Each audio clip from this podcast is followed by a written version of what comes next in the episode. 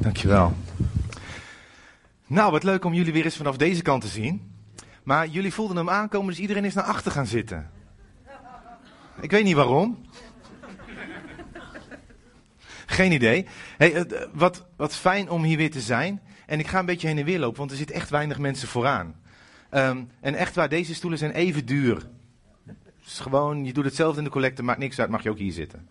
Ehm, maar ik wil uh, uh, eigenlijk even kort iets delen. De meeste mensen kennen mij, kennen mij wel.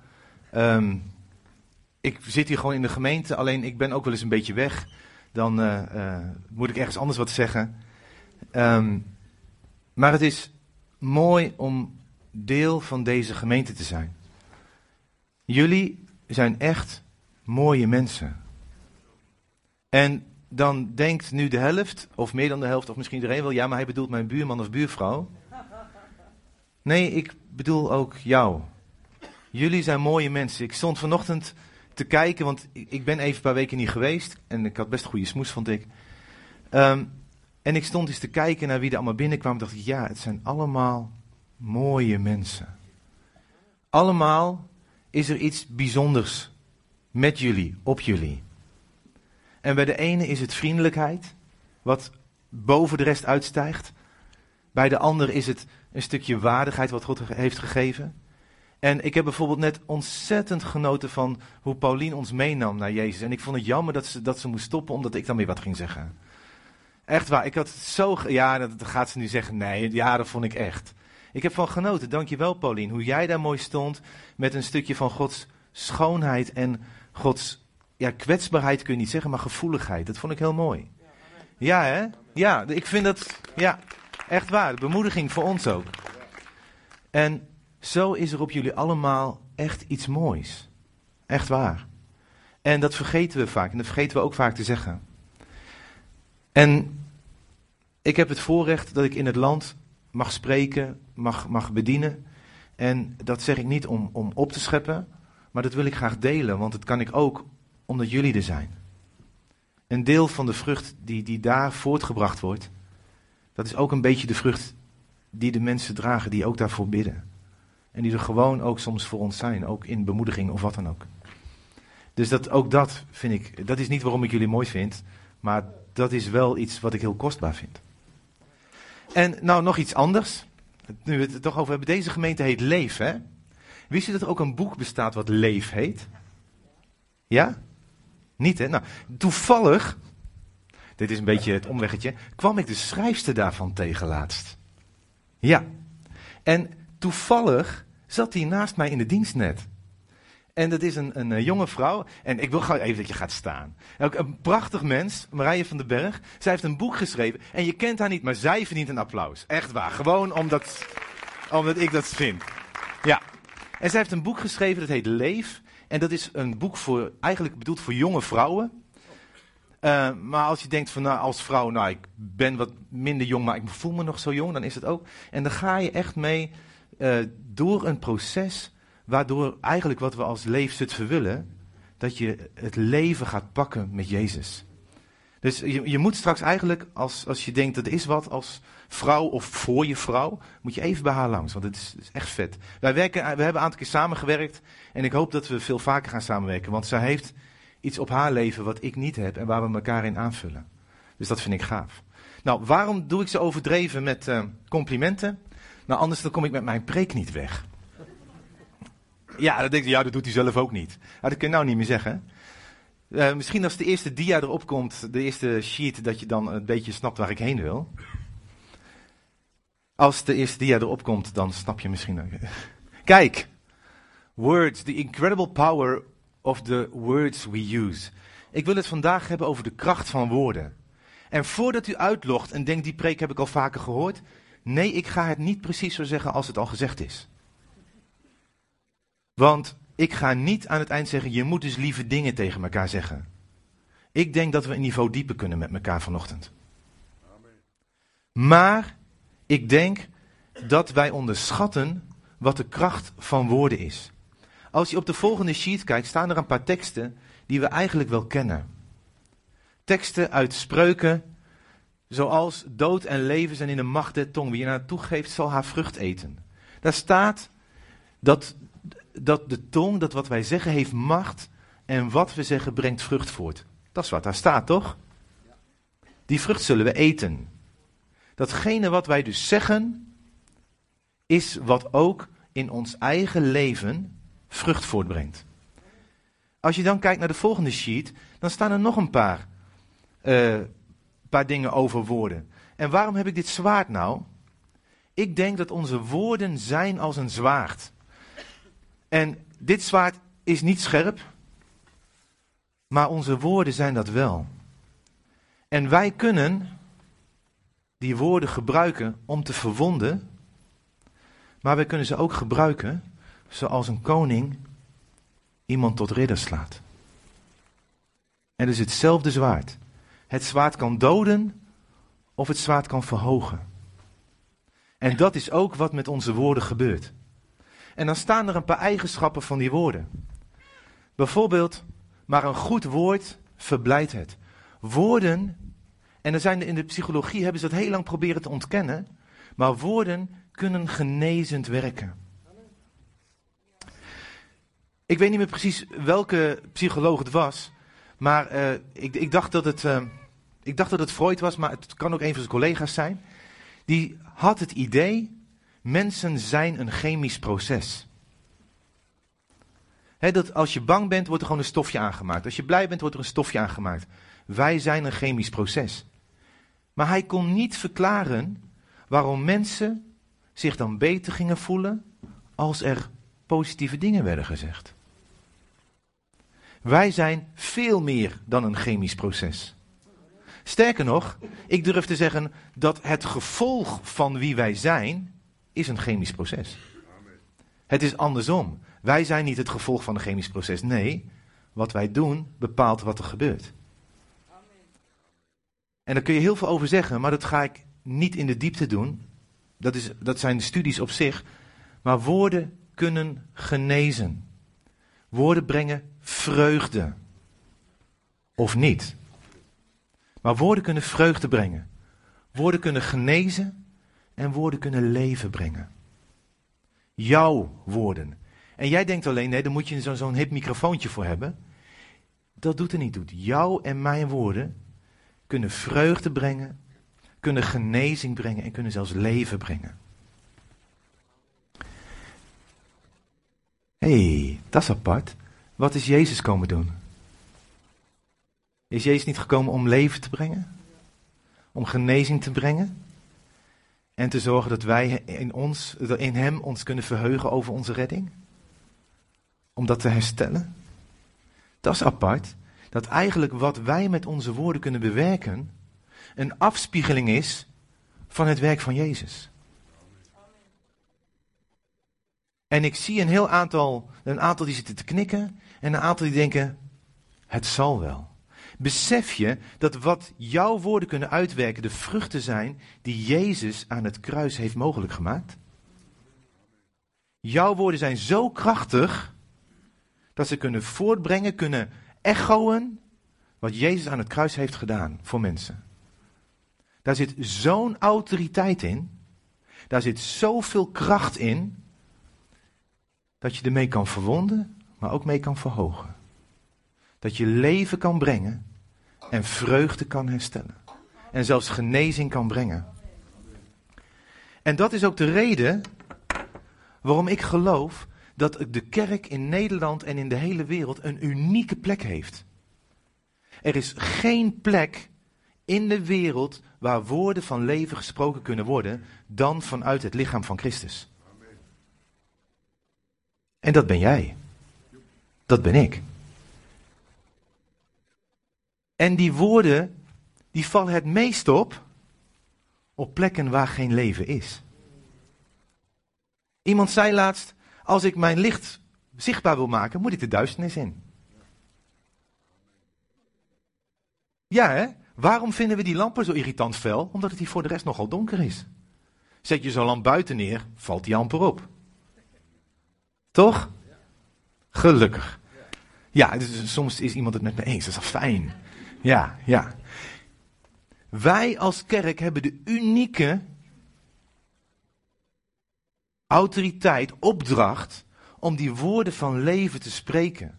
Om die woorden van genezing te spreken. Om die woorden te spreken die vreugde gaan herstellen.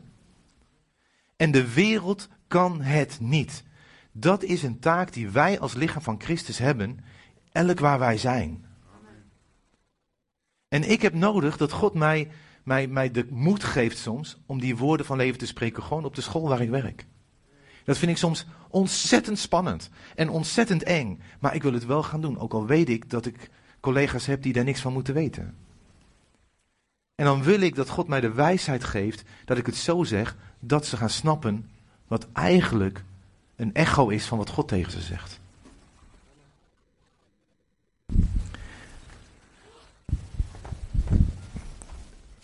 Hier liggen mijn aantekeningen. Op de volgende dia staat ook iets. Want wat wij soms doen, is dat wij soms met onze woorden heel licht zijn. Ik uh, was laatst op een, uh, hoe heet dat, vader-zoon weekend. Daar moesten wij buiten bivakeren en zelf vuur maken en zo. Gelukkig had ik Jannik bij me, anders had ik daar nu nog rondgedold midden in een bos. Hij had het kompas. Um, en toen kwamen we op een gesprek als mannen en toen zei iemand, ja, maar weet je, was een man die had een heftig leven gehad. En toen zei iemand anders, ja, maar gelukkig komt er altijd iets goeds uit voort. En toen dacht ik, wat is dit een goedkope opmerking? En dan mogen we dat niet zeggen, hè, want dat is niet, niet netjes. Maar ik had echt zoiets, joh, die man die heeft net gezegd dat hij bijna dood was en jij zegt, ja, maar er komt altijd iets goeds. Waarom moet er altijd meteen iets positiefs overheen?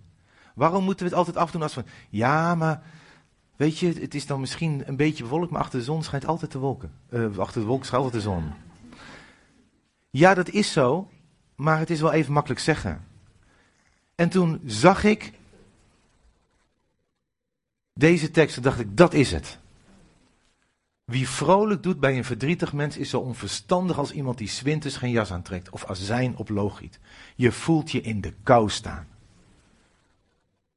Weet je, toen, toen eh, een aantal weten dat en nadat ik het gezegd heb, weet iedereen het weer. Vijf jaar geleden lag ik bijna dood te gaan in Almelo in een ziekenhuis. Dat was niet grappig. Nu zijn er wel een aantal dingen waarvan ik denk, oh, daar kun je weer een beetje om lachen. Maar toen was het niet grappig. Gelukkig waren de mensen die op bezoek kwamen, waren mensen die leven spraken zonder er makkelijk over te doen. Die, wijs, die de wijsheid hadden om te zeggen, dit is heftig, maar God is er wel bij. Dat is niet even makkelijk afdoen van je pijn en je lijden. Nee, dat is een wijs woord wat leven brengt en wat voor mij houvast was. Ik weet dat Jan Sjoerd Pasterkamp kwam. Hij was een van de eerste die bij mij op de intensive care stond. Moet je nagaan, met de trein uit Rotterdam naar Almelo. En hij komt daar en hij ziet me op de intensive care liggen. En hij zei later, ze hadden bijna alle apparatuur die ze hadden op jou aangesloten. Er stond 2,5 of anderhalve toren met apparatuur stond daar. En sommigen die zeggen, ja, dat was ook echt zo. En hij zei niet, ah, kom wel goed. Hij zei, het is heftig, maar het is niet ten dode. Nou, dat had mijn vrouw nodig om te horen. Want de arts had gezegd, we kunnen geen hoop geven. Ze had nodig dat iemand die wist wat het is om te lijden, die zelf oog in oog met de dood had gestaan, dat die zei, maar dit is niet ten dode. Dat is niet vrolijk doen. Nee, dat is een woord van leven in lijden spreken. En hij heeft het ook uitgesproken, hij heeft het gebeden. En ik weet niet of iemand wel eens azijn op loog heeft gegoten. Iedereen denkt, azijn op loog, wat is loog ook alweer? Nou, ik doe natuurlijk scheikunde, dus ik zal jullie er even mee vervelen. Je hebt azijn, dat is zuur. Azijnzuur. Dan heb je water, dat is neutraal. En dan heb je loog, dat is tegenovergestelde van zuur. Als je water en zuur bij elkaar gooit, wordt het heet. Als je water en base, tegenovergestelde van zuur, bij elkaar gooit, gaat het spetteren, wordt het irritant, kan het gaan bijten. Dat is niet grappig. Dat doet gewoon pijn. Als je makkelijk, als je eventjes zegt, ah joh, kom wel goed. Weet je wat, wat Paulien zei, hè? die tekst over, um, ik heb gedachten van hoop. God, ze hebben 70 jaar waren ze in balling. God zei niet, ah, kom wel goed. Zing maar een vrolijk liedje en dan is het voorbij. Even ogen dicht, na en na, ontkennen het. Daar zei God, wen er maar aan, het is lijden. Maar mijn hand is nog steeds op jullie en ik ga zorgen dat het wel goed gaat komen. Er is licht aan het eind van de tunnel, maar je zit wel in een tunnel. Laten we alsjeblieft niet mensen vermoeien met onze positieve prietpraat. Ah, je hebt geen probleem, je hebt een uitdaging. Soms is het zo, soms is het gewoon een probleem. Daarom hebben wij wijsheid nodig. Oh, dat is zo irritant voor een geluidsman dat er iemand met een microfoon voor de boksen gaat staan. Dus ik ga even verhuizen. Terwijl de volgende sheet erop komt, heeft u even wat te lezen? Dankjewel. Hier staat hoe het in een gemeente werkt. Bemoediging. Wij, en wij moeten onze eigen bijeenkomsten niet verzuimen zoals sommigen dat gewoon zijn. Ik had een smoes, hè? even voor de duidelijkheid dat ik er niet was. Uh, maar elkander aansporen en dat des te meer naarmate gij de dag ziet naderen. Zie je dat hier weer het concept is, het gebeurt in de kerk. Waarom moeten wij bij elkaar zijn? Zodat we elkaar aansporen. Het belangrijkste is niet eens dat je naar mij zit te luisteren. Het belangrijkste is dat wij familie zijn die elkaar aanspoort, die elkaar bemoedigt en daarbij nodig elkaar vermaant. Zie je, eh, is dit plaatje op de achtergrond opgevallen? Daar lopen twee militairen.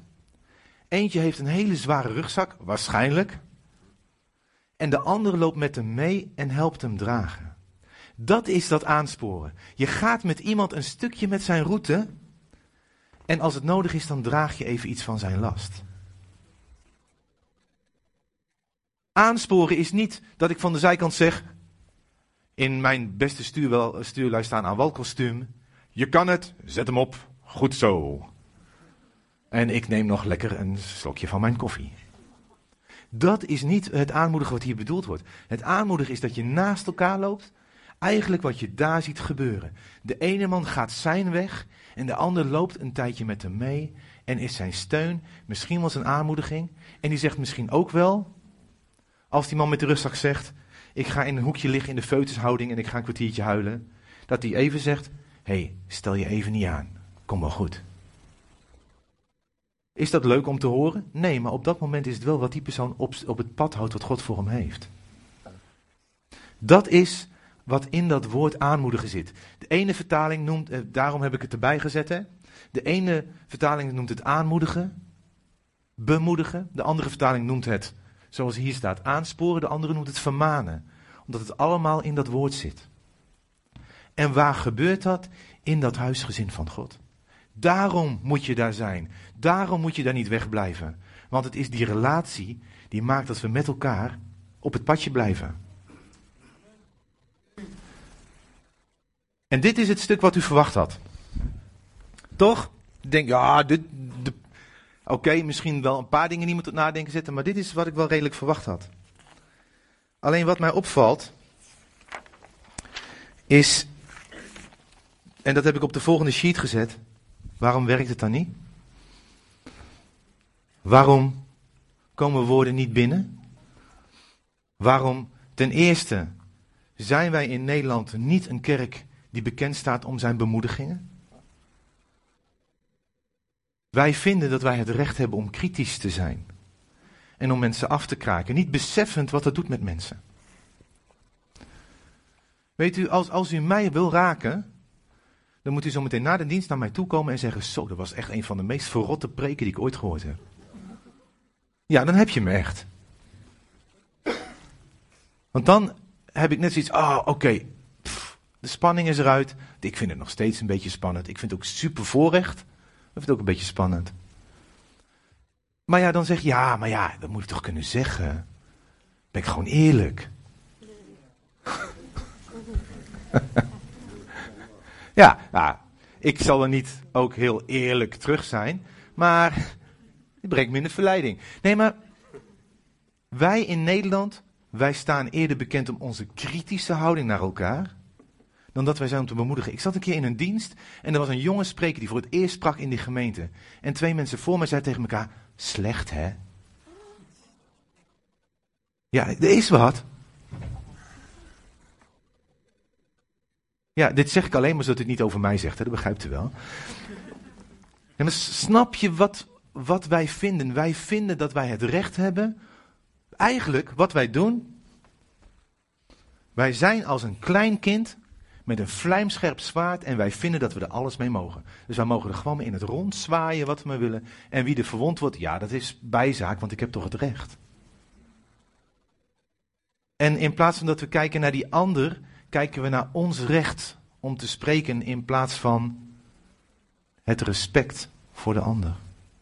En dat maakt onder andere dat we niet meer met elkaar raken, dat we niet meer bij elkaar kunnen komen. We hebben geen idee wat we doen met onze woorden.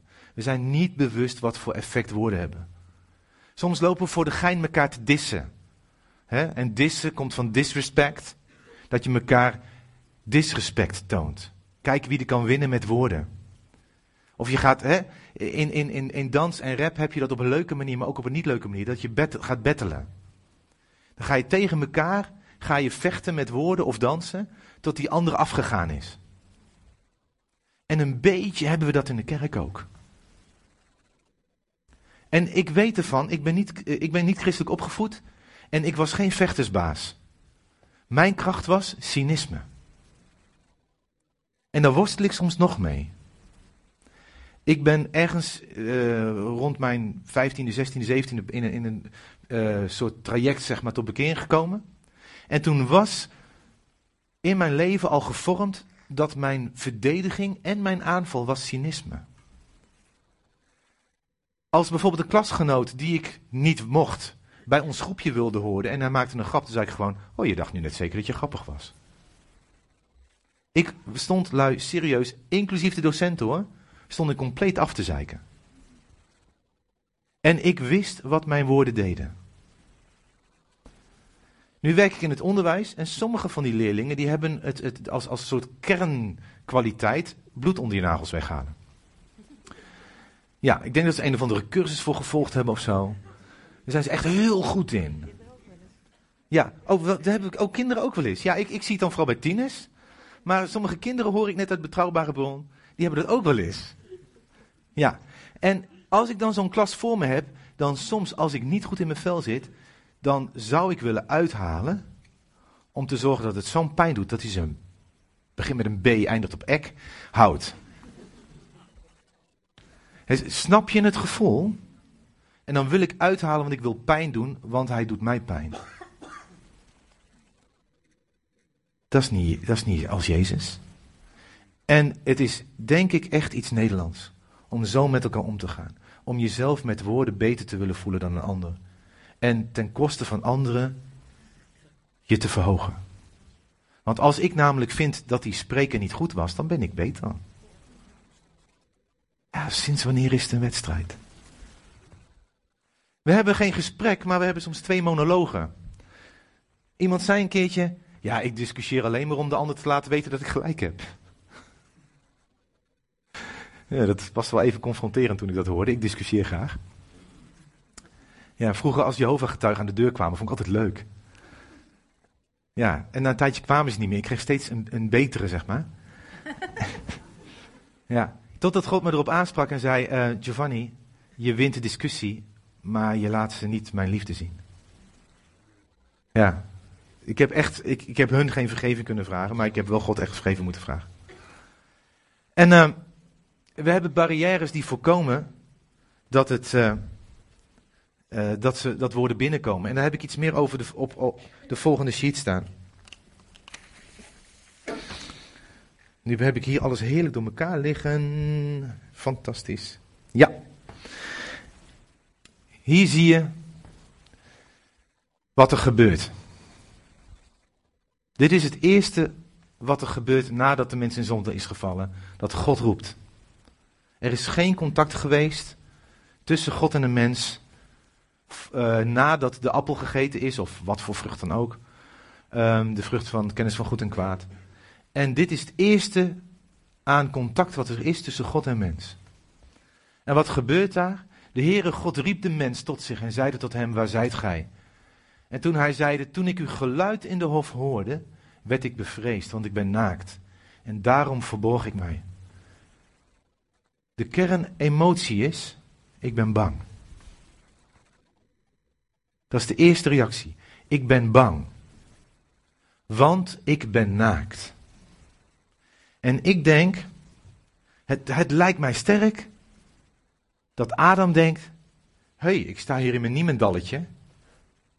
Dan ga ik af. Ik kan mij niet voorstellen dat dat de enige beweegreden is waarom Adam zegt: Ik ben bang. Ik denk dat hij zich naakt ook voelde met God ziet alles en daarbij de gedachte, en ik heb het verbruid. Ik heb het verknald, ik voldoen niet meer. Ik ben het waard om afgewezen te worden. Ik verdien afwijzing, want wat God gaat zien is niet goed genoeg. En wat is zijn reactie? Hij voelt de angst. Hij reageert, want ik ben naakt. En dan zie je hoe slecht ik ben. En daarom zet ik een bescherming op. Ik verstop me. En die angst is de leidende emotie geworden voor ons als mensheid. Wij leven onder die angst. En wij kunnen dat wel proberen weg te stoppen, maar wij leven onder die angst. Volgende sheet heb dat ook opgezet. Sinds Adam kennen wij allemaal die angst. Allemaal de angst dat we niet goed genoeg zijn.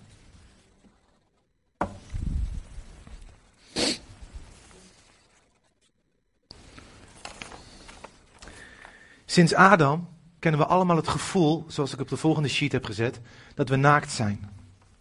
En dat naakt niet acceptabel is. En natuurlijk, we hebben kleren aan voor onze fysieke naaktheid. Maar we hebben ook barrières opgeroepen, want we, we hebben allemaal het gevoel dat we Gods voorschrift hebben overtreden. Dat weten we diep van binnen allemaal. We voldoen niet. We zijn afgewezen en we krijgen kritiek. Want als ze mij zien van hoe ik echt ben, dan gaan ze me niet lief vinden. Dat is een emotie waar we allemaal mee te maken hebben. Als ze zien hoe ik echt ben, dan vinden ze me niet lief. Dat heb jij, dat heb ik. Als u alles van mij wist, het valt ook wel weer mee, denk ik, hoop ik, ga ik maar vanuit. Dan zouden een aantal mensen misschien wel denken, nou, ik vind mij helemaal niet zo heel leuk. Dat zou zomaar kunnen. En daardoor, en dat staat op de volgende sheet, hebben we onze verdediging in paraatheid gebracht. Wat, we, wat Adam deed, hij verborg zich, zodat hij niet afgewezen kon worden. Hij maakte dat er een laag tussen God en hem zat. En wat wij zijn gaan doen, is in dat patroon zijn wij eigenlijk een soort beschermingslaag om ons heen gaan opbouwen. Zodat de ander maar niet ziet wie ik ben, zodat hij mij ook niet kan afwijzen. En zo hebben wij ons leven, ons sociale leven, zorgvuldig opgebouwd met beschermingen, met, met verdedigingen die maken dat anderen maar niet te dichtbij kunnen komen. Want ze zouden me toch af kunnen wijzen.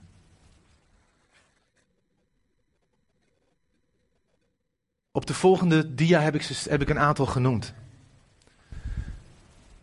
We, we hebben allerlei afleidingen. We hebben die lagen aan, want anders staan we zo in ons ook emotionele naki. En als een tactiek werkt, weet je wat een van mijn tactieken is? En dit, dit voelt wel even, na, even lastig om te zeggen. Een van mijn tactieken is grapjes. Grapjes zijn namelijk een hele leuke manier om de aandacht af te leiden van dat je misschien kwetsbaar zou zijn.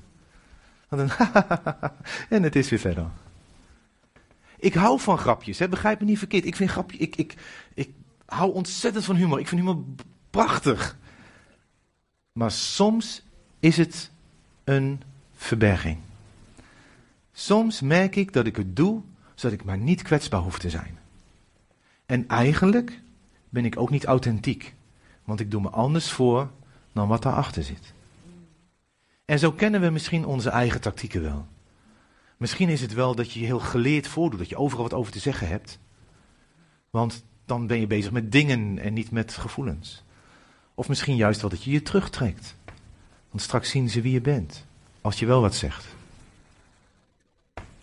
Of misschien wel dat je heel erg bezig bent met de materie, zodat je niet na hoeft te denken over de gevoelens. En de vijand faciliteert daar maar al te graag in. Hè?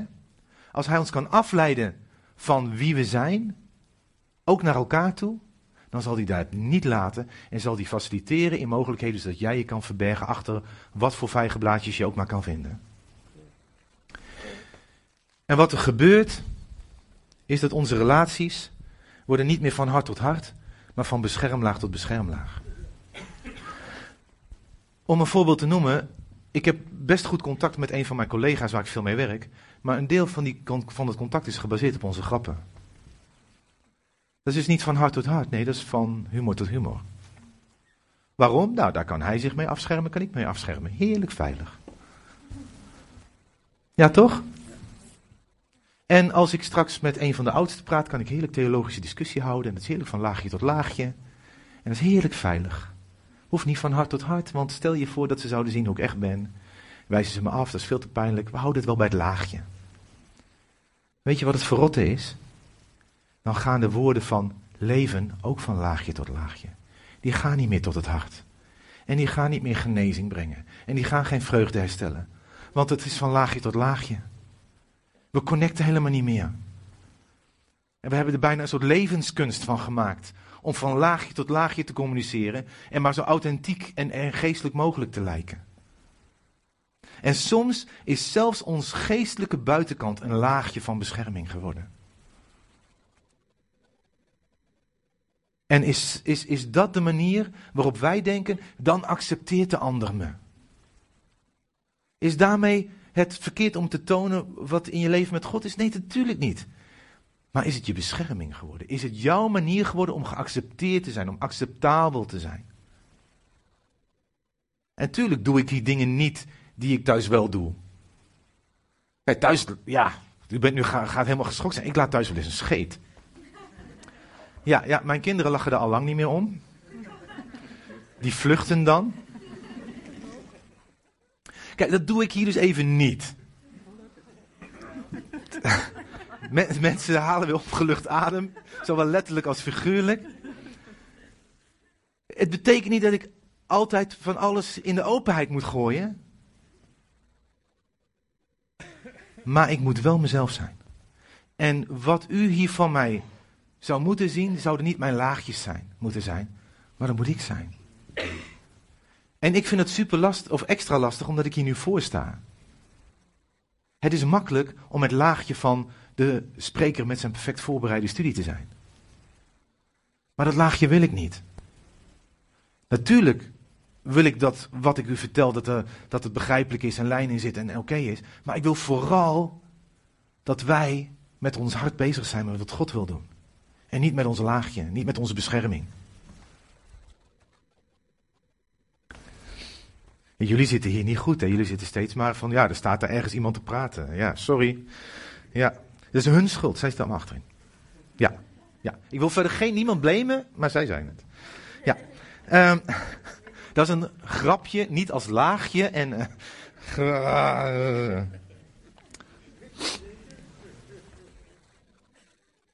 maar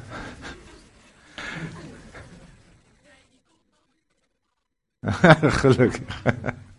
ja, nou, sorry. Ja, ja, ja. Maar begrijp je dat we kunnen wel met z'n allen een bemoedigende gemeente zijn, maar als wij niet van hart tot hart durven te communiceren.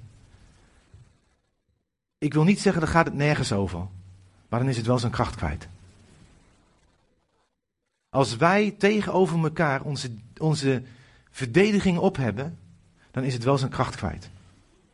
En ik worstel daar net zozeer mee. Sterker nog, ik sprak laatst in Emmen, vorige week, de week daarvoor, ik ben het even kwijt. En um, Toen komt er een jonge vrouw naar mij toe, een van de jeugdgroep. En die zegt een beetje onwennig: Ja, ik heb het gevoel dat God iets wil zeggen.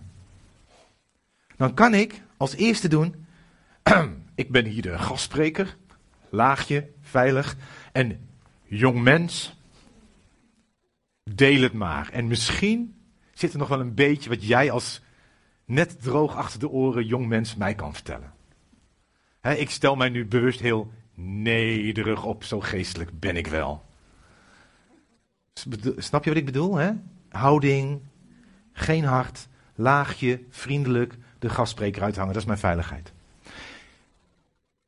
Maar dat wil ik niet. Dus ik heb ook tegen haar gezegd, en dit zeg ik niet om geestelijk te doen, hè? ik weet dat het zo over kan komen, maar dat is niet mijn bedoeling. Ik wil het graag horen. En wat ze tegen mij zei was een woord van God. Ze zei, Giovanni, God liet me zien dat jij je schild naar beneden mag doen. Een schild naar beneden mag doen. Er zijn situaties waar ik ervoor gekozen heb om mijzelf te verdedigen. En dat was in het waren ook situaties die pijnlijk waren hoor. Dat waren geen leuke situaties. Waar ik ook het gevoel had dat ik een schild in mijn rug nodig had. En toch zei God, door gewoon zo'n jonge meid heen, God zegt dat je je schild naar beneden mag doen. En ik wist meteen waar het over ging. Ik wist waar ik gekozen had om niet alleen me te beschermen, maar mezelf te verharden. Maar zij was authentiek. En ik koos ervoor om authentiek genoeg te zijn om haar te kunnen verstaan en dit woord leven te laten voortbrengen. En ik was blij dat ze deed. Ze had echt zoiets, joh, ik ga naar de spreker, weet je wel. Ook nog de gastspreker, ze kende me amper. Ik vond het zo dapper, maar het bracht vooral leven voort. Maar hoe moeten we er dan mee omgaan? Een tegenreactie is, dan gaan we in alle openheid alles delen. En weet je wat er dan gebeurt? Het is namelijk een laagje waarin we zeggen: Als ik nou alles deel, accepteer je mij dan? Want ik geef alles. Nou, weet, deel maar niet alles. Ik heb ook liever niet dat mijn vrouw alles met mij deelt. Soms wordt mijn vrouw wakker en dan denkt ze dat ze getrouwd is met de prins op het witte paard. Mag ze helemaal met mij delen, vind ik niet erg. Soms dan wordt ze wakker en dan denkt ze dat ze getrouwd is met het achterneefje van Loch Ness. Hoeft ze niet met mij te delen. Mag ze gewoon goedemorgen zeggen en dan ben ik tevreden. Ja, wij leven ook in, het is een kerkelijke cultuur waarin wij vinden dat wij al onze emoties maar over iedereen moeten uitspuien. Maar dan ben jij nog steeds het centrum. In Nederland, wat ik al zei, hebben wij een, een, cultuur waar we alle meningen maar moeten uitspuien. Ik vind het bijvoorbeeld heel moeilijk over al die, die, die blogs die geschreven worden over wat allemaal mis is met de kerk. Want dat vinden we toch dat we maar moeten mogen vinden. Als dat zo erg is, dan ga je toch die kerk mee helpen bouwen? Ik, ik, sorry, ik ben er echt een beetje klaar mee met mensen die maar kritiek lopen uiten op het lichaam van Christus wat niet perfect is. Maar wat daar echt niet perfecter van gaat worden, omdat mensen maar gaan zeggen hoeveel inzicht zij zelf hebben. En het is serieus, dat, dat raakt mij, dat gaat er me niet over mij. Dan denk ik, joh, wat ben je nou aan het doen, joh? Waarom bouw je niet? Waarom zegen je niet? En tuurlijk mogen wij kijken naar dingen en kijken, hé, hey, gaat het goed of kan dit beter? Natuurlijk mag dat. Als je de verantwoordelijkheid hebt. Als je die niet hebt, dan zegen je en mag je natuurlijk best wel zeggen: hé, hey, ik heb vragen of hé, hey, is dit niet een idee? Maar het echte werk ligt bij de mensen die de verantwoordelijkheid dragen, want die hebben ook die verantwoordelijkheid van God gekregen.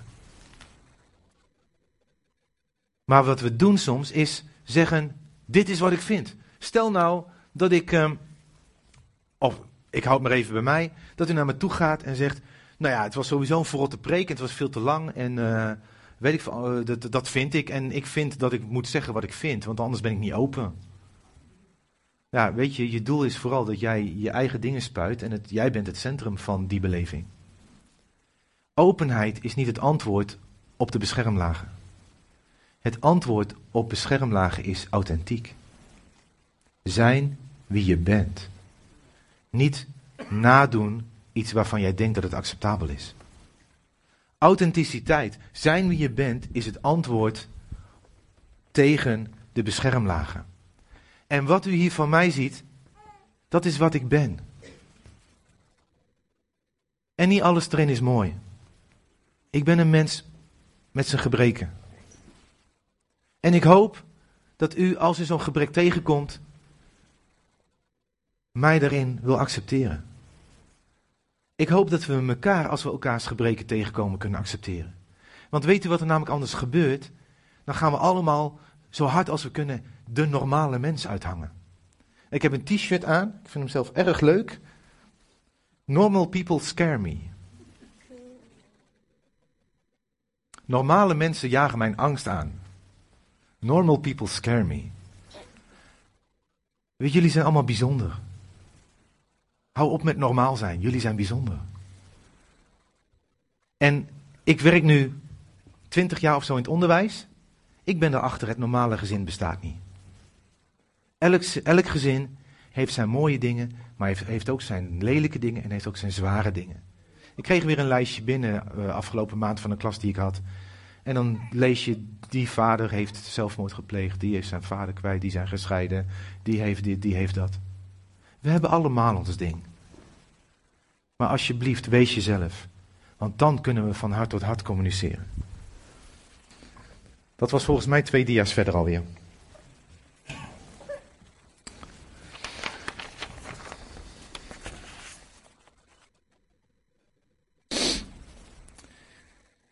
En dan is er nog iets. En dat is, even kijken, waar ben ik nu? Ja, echtheid in plaats van openheid. Want wat is namelijk je doel? Je doel is dat de ander bemoedigd wordt. Dat de ander gezegend wordt. Eigenlijk is onze roeping dat wij elkaar dienen. En waar gaat het om bij dienen? Als ik u dien, gaat het niet om mij. Als ik jou dien, gaat het niet om mij. Ik dien jou, ik dien jou, ik dien jou. Wat is dus mijn doel? Dat ik jou dien. Dat ik jou zegen. Wat is mijn verlangen? Dat jij mij zegent. Dat is mijn verlangen. Maar het verschil tussen een doel en een verlangen is een doel kun je bereiken, een verlangen kun je wensen, maar dan ben je afhankelijk van anderen. Toch? Ik wil graag dat jullie mij zegenen. En dat is niet, kom naar de dienst allemaal dan met toe en groepshoek of zo. Maar je snapt wat ik bedoel. Ik, natuurlijk wil ik graag dat jullie mij bemoedigen. Maar dat is mijn verlangen, dat heb ik niet in de hand. Dus daar zal ik mij afhankelijk van jullie moeten stellen. En als ik dat niet krijg, jammer dan, maar dan wist ik dat het risico erin zat. Maar mijn doel is dat ik jullie dien en bemoedig. En dat kan ik wel. Dat heb ik in de hand. Want dat, dat is wat ik kan doen. Dat is mijn mogelijkheden. En vaak gaan wij die dingen verwarren. Dat wij het doel en het verlangen verwarren. Dat als ik mijn verlangen niet krijg, dan ga ik jou ook niet zegenen. Want ik voel me eenzaam. En ik denk dat dat het risico is wat we moeten lopen.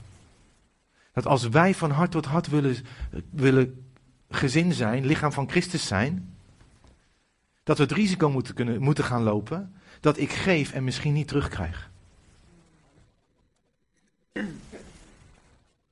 Dat ik mijn doel blijf najagen, ook al wordt mijn verlangen niet beantwoord.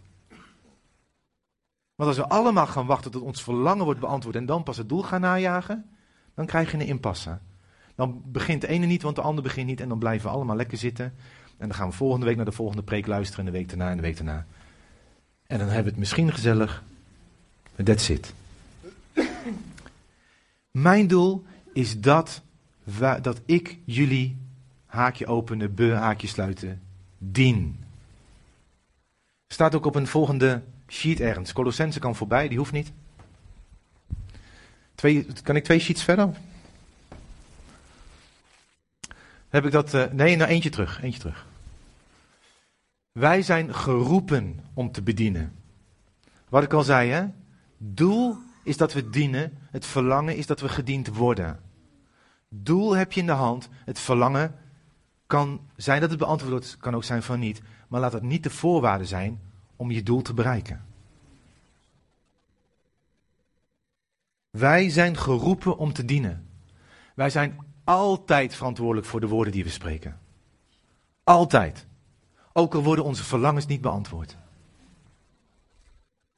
Ook al kijken we liever naar onze verlangens en handelen we daarna, wij zijn nog steeds verantwoordelijk voor onze woorden. We zijn geroepen om te bedienen en anderen zullen ons teleurstellen. Ik ga jou teleurstellen. Kom maar dichtbij genoeg en ik ga je iets laten zien wat je niet leuk vindt. Want ik ben ook maar een mens. Deal with it. Ik zeg niet dat ik moet blijven zoals ik ben, maar ik zal niet perfect zijn en ik zal je teleurstellen. Er was een keer iemand die was op mijn verjaardag. In de vorige kerk was dat. En ik was, was daar zangleider en, en ik sprak wel eens. En die was op de vergadering en, eh, of op verjaardag en die zei een tijdje: Ja, Giovanni is eigenlijk best wel stil. Dat vond ze echt de afknapper. Die dacht echt dat ik het, het, het, het, eh, beest van het feest was, zeg maar. Hoe noem je dat? de gangmaker. Ja, dat viel eigenlijk een beetje tegen. Ik, ik viel eigenlijk wel een beetje tegen. Ja, eigenlijk, een eh, heel groot deel van mij is gewoon hartstikke introvert. Ja, en dat is nog maar iets wat gewoon acceptabel kan zijn. Maar er zijn ook dingen die niet mooi zijn. Ik ga je tegenvallen, anderen gaan jou tegenvallen. We gaan elkaar tegenvallen. Maar alsjeblieft, laat dat niet een smoes zijn om te zeggen: Oh, maar dan mag ik ook wel met het zwaard rondzwaaien als het pijn doet, whatever. Want ze hebben me teleurgesteld. En dat kan eenzaam zijn. Maar weet je wat mij opvalt? Dat de mensen die met het grootste autoriteit anderen verhogen met hun woorden, de mensen zijn die zelf weten wat het is om in hun eenzaamheid hun, hoe zeg je dat, hun geborgenheid bij God te vinden. De mensen die met de meeste autoriteit woorden spreken, zijn mensen die daar door die eenzaamheid met God zijn heen gegaan en daar met God zijn uitgekomen. Die hebben gezegd, er is maar één plek waar ik niet teleurgesteld word. En dat gaat mijn basis zijn. En er zijn veel mensen die kunnen vriendelijke woorden zeggen, die kunnen woorden van leven spreken, maar ik ken ze niet met de autoriteit als de mensen die hebben gezegd, woorden hebben mij misschien gekwetst, maar ik heb nodig dat God mij vervult in mijn verlangens. Als anderen het niet doen, en ook al doen anderen het, dat moet mijn basis zijn. En soms is dat eenzaam en eenzaam is niet leuk. Eenzaam is soms gewoon verrot. Maar dat maakt niet dat we daarom niet meer datgene waartoe wij geroepen zijn door God zelf, dat we dat niet meer hoeven te beantwoorden. Als God tegen jou zegt, hè, want de christenen die krijgen een eerste oordeel, hè? De heidenen krijgen één oordeel. En dat is niet mooi, maar wij krijgen daarvoor een oordeel. Hoe is het gegaan met je? En dan wil ik niet hoeven zeggen, ja, nou weet je, ik had eigenlijk wel hele mooie. Uh, ik had leven kunnen spreken, genezing kunnen spreken. Ik had vreugde kunnen herstellen door de woorden die u mij gaf. Maar ja, ze hebben me pijn gedaan, dus ik heb me niet gedaan, Heer. Een goede smoes, hè, Heer. En dan denk ik dat Jezus zegt: Nee, je weet het wel, hè. Het is precies, je hebt het niet goed begrepen. En ik weet niet of het, ik denk niet dat het verwijt is. Maar ik denk wel dat we, dat we beter weten. We hebben het best wel begrepen. Betekent niet dat het makkelijk is, hè? Dit is een strijd. Dit is een worsteling. Om te zeggen, ik ga mijn lagen neerhalen. En mensen mogen mij woord, met hun woorden mij bereiken. En ik wil ook vanuit mijn hart spreken. En weet u wat, wat het woord dan ook zegt? En als je niet weet wat je moet zeggen, bid dan de Heilige Geest om wijsheid. Wat zou het mooi zijn als wij, omdat wij onze, onze verdediging neer hebben kunnen laten halen, wat zou het mooi zijn als wij dan niet alleen woorden van leven spreken die een echo zijn van Christus in ons, maar die ook rechtstreeks van Christus in ons zijn. Dat wij profiteren leven over mensen. Dat wij profiteren genezing over mensen. Dat wij profiteren het herstel van vreugde over mensen. Wat zou dat een kracht zijn? Wat zou er met de kerk gebeuren als we dat zouden doen? Ik denk dat er niks anders overblijft dan opwekking. Dat mensen Jezus gaan zien zoals die is. En laten we eerlijk zijn, als jij en ik Jezus zien zoals die is, dan wil je toch niks anders dan hem volgen? Of heb ik iets gemist? Dat woorden van leven niet alleen een echo zijn, maar ook rechtstreeks. En waar komt dat uit voort?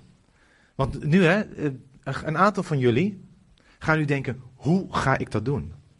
Wat is hier het handvat? Maar dat is nou net, weer de af, dat is nou net niet hoe het in elkaar steekt. Filippenzen. Volgende dia. Als er dan enige bemoediging is in Christus. Bemoediging. Als er enige troost is van de liefde. ook woorden van troost. Als er enige gemeenschap is van de geest. Als er enige innige gevoelens van ontferming zijn. Maakt dan mijn blijdschap volkomen dat u eensgezind bent. Dezelfde liefde hebt. één van ziel bent en één van gevoelen. Ik lees hier niks over beschermlaagjes die tussen ons instaan. Er is een stuk eenheid. Betekent dat we onszelf moeten wegcijferen en niet meer mogen bestaan? Nee. Juist wie jij bent, telt op bij wie de anderen zijn. En dat maakt dat we een mooie, rijke eenheid kunnen zijn. Juist de samenstelling. Doe niets uit eigen belang of eigen dunk, maar laat in nederigheid de een de ander voortreffelijker achter dan zichzelf. Het gaat niet om wat je zegt. Het gaat erom waarom je het zegt. Als jij het zegt omdat jij de ander uit, uh, uitnemende acht aan jezelf. Hoe staat het hier? Voortreffelijker acht dan jezelf. Als dat jouw houding is. Ik wil jou dienen. Want jij bent mooi. Mooi gemaakt. Mooi persoon. Ik wil jou dienen. Ik acht jou hoger dan mijzelf. Dan ga je ook anders met je woorden om. Dus we gaan niet een lijstje maken van dit zeg je wel, dit zeg je niet, dit zeg je misschien, dit zeg je dan. Want dan hebben we weer namelijk een heel veilig laagje. En dan accepteer je mij, want ik zeg precies de goede dingen. Nee, het gaat niet om wat je zegt. Het gaat erom waarom je het zegt. En waarom zeg je dat? Omdat jouw doel is de ander te dienen. En omdat je vanuit die houding, ik vind de ander uitnemende, voortreffelijker dan mijzelf, dien ik jou. Met die houding. En dat vraagt dat je weet wie je bent in Christus. Wat heeft dat er nou weer mee te maken? Dat heeft ermee te maken als ik namelijk Sari uitnemender vind dan mijzelf, dat ik over mijzelf zou kunnen gaan twijfelen. Maar wie ben ik dan? Maar daar gaat het niet om. Ik ben in Christus volledig kind van Hem. En vanuit dat ik volledig kind ben, kan ik Sari dienen. Het is niet dat ik niet meer besta, maar het is dat wat ik ben, ik haar mee mag zegenen. Het gaat niet om wat je zegt, het gaat erom waarom je het zegt. En wat is het dan? Laat een ieder niet alleen oog hebben voor wat van hemzelf is, maar laat een ieder ook oog hebben voor wat van anderen is. Laat dan daarom die gezindheid in u zijn, die ook in Christus Jezus was. Die, hoewel hij in de gestalte van God was, het niet als een roof beschouwd heeft aan God uh, aan God gelijk te zijn. En daarna staat dat hij zichzelf heeft zijn koninklijkheid heeft afgelegd. Ik wil leren van Jezus dat niet wat God mij gemaakt heeft, mij in de weg staat om jou te dienen. Ik wil jou dienen, want ik wil dat doel wat God mij toe geroepen heeft, dat wil ik gaan najagen. Jou dienen. En daarom wil ik, hoe kwetsbaar dat soms ook is, gewoon mezelf zijn. In plaats van de veilige, acceptabele laagjes. Want ik wil jouw hart bereiken en ik wil dat jij mijn hart mag bereiken. En word ik teleurgesteld? Gegarandeerd. Moet ik dan maar weer de, alle schilden omhoog doen? Nou, volgens wat God door een meisje in Emmen zei, duidelijk niet. Moet ik me daarom, mag ik daarom geen grens aangeven? Tuurlijk mag je grens aangeven. Als mensen er misbruik van maken, mag je zeggen, joh, je hoeft er geen misbruik van te maken. Maar ga niet van tevoren bezig met je bescherming. En ik wil nu zo meteen even een tijd van gebed nemen. En ik wil eigenlijk twee uitnodigingen doen. Misschien wel drie zelfs. Eerste uitnodiging is dat als jij denkt, wacht even maar, zo heb ik Jezus nooit gezien als iemand die ons als gezin wil vraagt om elkaar te dienen zoals Hij voor ons gediend heeft en zichzelf heeft afgelegd. En die God wil ik wel volgen. Dan wil ik je er zo meteen de gelegenheid voor geven om die God aan te nemen. Zijn vergeving aan te nemen en Hem te volgen. De, de andere vraag die ik wil gaan stellen is als jij, hebt, als jij merkt dat angst jouw relaties bepaalt, of God in die angst mag gaan werken. Is het niet opvallend dat zowel tegen Abraham als Jeremia, als tegen een heleboel mensen, wat is het een van de eerste dingen die God zegt? Vrees niet. En wat is het antwoord wat God geeft? Wat drijft de vrees uit? De liefde. De liefde drijft de vrees uit. Wat is het antwoord wat God heeft gegeven op die basis, eh, basis emotie vrees? Zijn liefde. God wil dat die angst niet meer onze drijfveer is. Hij wil dat zijn liefde onze drijfveer wordt. En daarom wil ik je vragen zo meteen dat als jij merkt dat eigenlijk angst jouw drijfveer is. Oh, als ze me maar niet afwijzen. Als ze me maar niet pijn doen. Als ze me maar niet teleurstellen. Dat God met jou een proces mag beginnen. Ik zeg niet dat het in één keer weg is vandaag. Het kan, maar het hoeft niet. Dat God met jou een proces mag beginnen om het zwaartepunt van de angst te gaan liggen naar de liefde. Zodat je daar in vrijheid komt te staan en het niet meer jou gaat bepalen. En dan is er de derde vraag. En dan ga ik, ik ga die, die twee dingen, die laatste twee, die ga ik tegelijk vragen. Want ik wil niet dat je het gevoel hebt dat je moet gaan staan of moet gaan laten bidden. Voordat je een bemoediger wilt zijn. En als je het niet doet, dan ben je ongeestelijk. He, dat heb je soms, he, dat je denkt, ja, als ik nu niet ga staan, denkt iedereen dat, ik niet, dat niet goed met me gaat geestelijk. Ja? Heb je dat nooit? Ik heb het ook met avondmaal. Ja, als ik nu niet... Goed, je snapt het wel. Um, als het oké is met jou, ga je niet staan. Ga je niet voor gebed. Als je denkt, ik moet dit nog even processen, ga je niet staan. Het is eerlijker om te zeggen, Heer, ik neem het mee in mijn stille tijd, dan hier te gaan staan zodat iedereen ziet hoe geestelijk je bent. heb je weer een laagje. Ik ga staan, want dan ben ik acceptabel. En ik wil dat kort doen. En daarna wil ik een moment nemen om te kijken of er mensen zijn die elkaar willen bemoedigen. Dat is niet meteen dat je dan geestelijker bent dan de anderen. Maar ik wil niet dat we de deur uitgaan en denken: Oh, dat was een leuk verhaaltje en we er niks mee gedaan hebben, ook op dat gebied. We gaan bidden. Heer, ik wil u danken dat u zelf leven bent. Vreugde in u is. Dat u genezing bent. U geeft het niet alleen, u bent heelheid. U bent genezing, u bent vervolmaking, u bent dat. En ik vind het zo bijzonder dat het echoot door ons heen en dat het mag echoen door onze woorden. Maar u bent het. En terwijl gewoon iedereen lekker zich op God richt, wil ik vragen, als je denkt, die God, die wil ik gaan volgen, steek er gewoon even je hand omhoog. Ja, zijn er mensen? Ja. Ja. Ja. Heer, u ziet deze mensen. Hou je hand maar in de lucht als, als een soort ontvanger van God. En Heer, ik bid dat u op dit moment bevestigt dat uw genade genoeg is. Dat uw genade genoeg is om hen aan te nemen en dat zij kind van u genoemd mogen worden. En ik bid ook dat u waar nodig daar herstel gaat geven, maar dat u in eerste plaats zegent en bevestigt in het kindschap dat je mag gaan met Jezus en God jouw vader zal zijn en jouw leider. En dat, dat je zal weten, zijn hand is op mij. Zijn, hij is met mij en hij kent mijn naam. In Jezus' naam, in Jezus' naam. De mensen die een hand hebben opgestoken wil ik straks wel even vragen om even naar iemand toe te gaan van de gemeenteleiding. Om eventjes daar samen mee naar Jezus te gaan. Want het is echt zo mooi om samen dan met iemand naar Jezus te gaan. Dan zijn er twee andere vragen die ik gesteld heb. Als jij merkt, angst is eigenlijk veel te bepalend in mijn relaties. Of je zegt, ik ben niet een bemoediger geweest, maar ik wil dat die woorden van God in mij echoen of rechtstreeks door mij gaan. Dan wil ik je gewoon vragen om op te gaan staan. Voor welke van de twee ook, ga maar gewoon staan.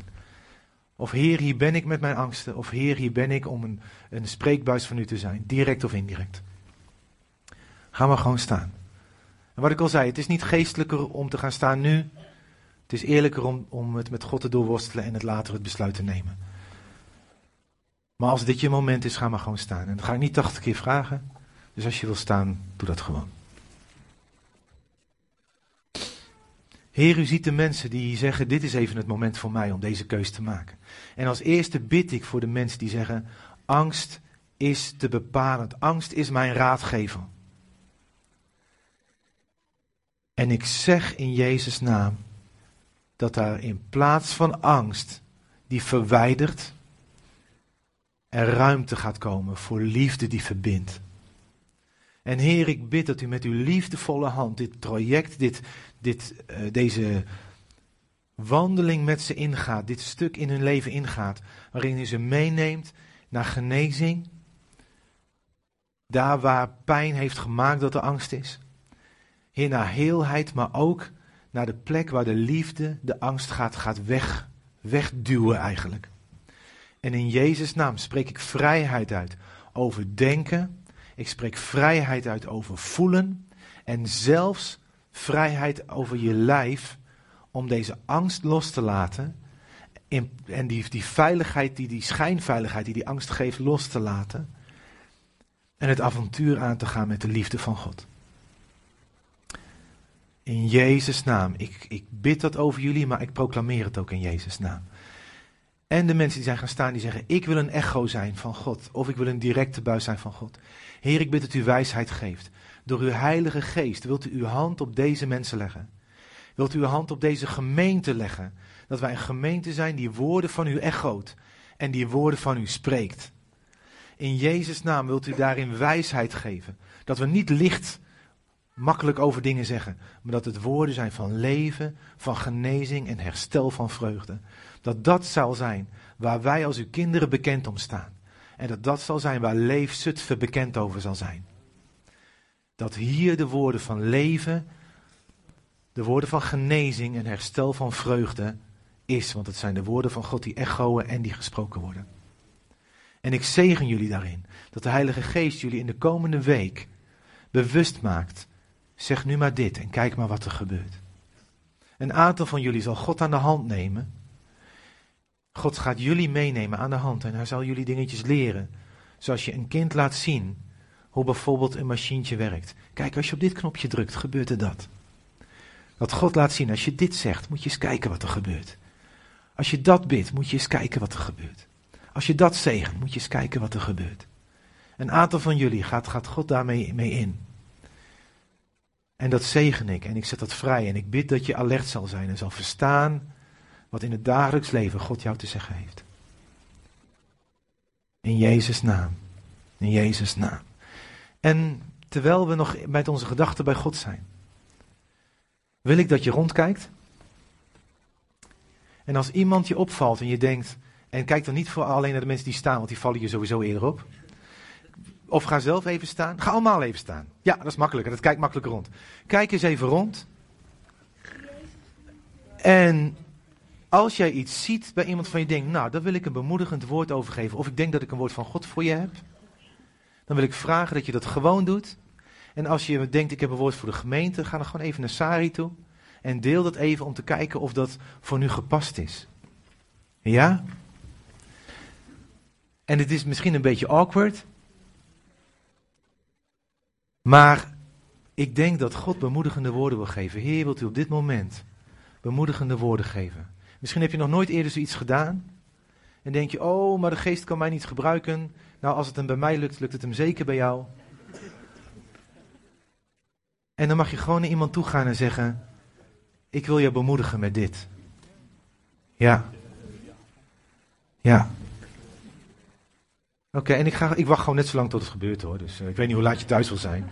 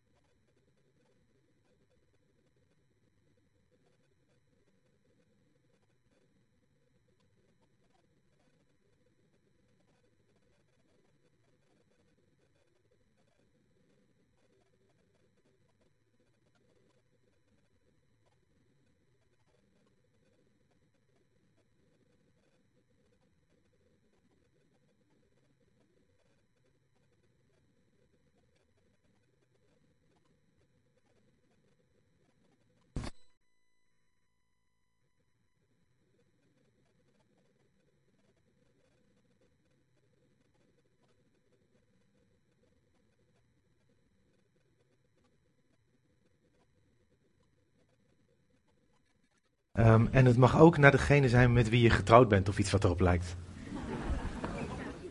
Oeh, dichtbij. ik makkelijk praten, Carla is thuis.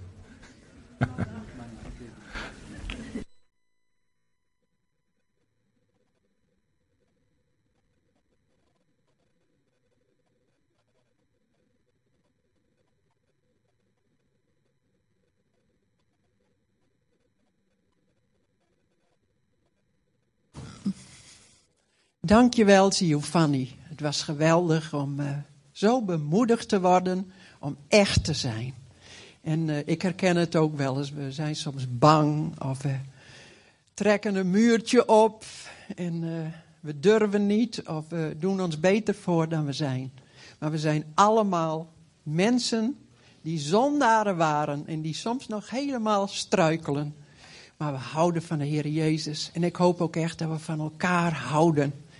En als je nog gebed nodig hebt, dan uh, nodig je, ik je ook uit om naar voren te komen. Giovanni en, en de mensen van het pastoraal team willen graag nog even met je doorbidden. En ook de mensen die voor de Heer hebben gekozen, kom nog even naar ons toe. En ik hoop ook dat jullie naar de cursus komen, een nieuw begin. Ja. Want dan worden jullie ook opgebouwd in het geloof en leren jullie God beter kennen en Gods plan en bedoelingen met je leven. Ik wil uh, jullie nog ik Heb nog, ik heb nog wel één ding. Ik wist dat ik het moest zeggen, ik ben gewoon vergeten. Um, ik ben geen gemeenteleiding, dus ik kan dat zeggen. Um, ik denk dat het heel wijs is dat wij als gemeente ook om onze gemeenteleiders heen gaan staan in diezelfde geest. En ik, natuurlijk hebben zij het verlangen dat ze bemoedigd worden. Maar dan gaan ze niet heel hard roepen, want daar zijn ze te bescheiden voor. Ja, nou ja, je kent ze hè. Um, dus ik zeg het maar gewoon. Um, ga met diezelfde houding van bemoediging en leven spreken. En, en van genezing en van vreugde herstellen. Ga ook zo met hen om. Want zij zijn mensen die het minstens zo hard nodig hebben. We denken vaak dat zijn leiders, die hebben dat niet nodig. Nou, juist dubbel. Sta ook om hen heen met diezelfde houding. Ik wil jou dienen. Ook met de woorden die van God door mij heen echoen. Of die rechtstreeks van God zijn. Ja, sorry dat ik weer even de flow onderbreek. Maar wou toch even zeggen. Ik geef jullie graag de zegen van de Heer mee. En dus als je nog gebed nodig hebt, kom naar voren. Misschien willen jullie ook nog een beetje spelen, een beetje zacht, zodat het uh, gebed niet ver, uh, ja, gestoord wordt. En uh, ja, we zijn ontzettend dankbaar dat we zo bij elkaar mogen zijn en dat we ja, mogen worden wie we zijn, diep van binnen. God houdt van ons. Dank u wel, Vader, dat u ons wil zegenen. En dat u een goed plan hebt met ons leven. En dat u met ons meegaat, ook als we naar huis gaan. Ook als we ons soms eenzaam voelen, heren. Wilt u ons helpen om u te zoeken, om, om heel vaak bij u te zijn in de stilte. Want in de stilte wilt u ons alles geven wat we nodig hebben. Dank u wel dat u daar bent. En dank u wel dat u een God bent die spreekt. Heer, wilt u ons zo ook maken tot de spreekbuis van uw liefde. Dat we elkaar zullen helpen, dat we elkaar zullen dienen, dat we elkaar zullen zegenen in uw naam. Dank u wel dat u zo ja, geduldig met ons bent, heren. Want wij verprutsen het zo vaak. Maar u bent zo geduldig. Dank u wel. Dank u voor uw liefde. Dank u voor uw genade. En dank u wel voor uw Heilige Geest die met ons meegaat van eh, elke dag van ons leven, Heer, dat we niet alleen zijn, maar dat uw geest in ons woont als grote helper, als grote trooster, als grote leidsman. Dank u wel. Help ons ook om een intieme relatie op te bouwen met uw Heilige Geest, Heer. Zodat we in alles uw stem zullen horen. En help ons dan ook om uit te stappen en om gehoorzaam te zijn. In Jezus' naam. Amen. Er is nog koffie. Ontmoet elkaar ook bij de koffie. Bemoedig elkaar. En uh, nog een hele fijne zondag.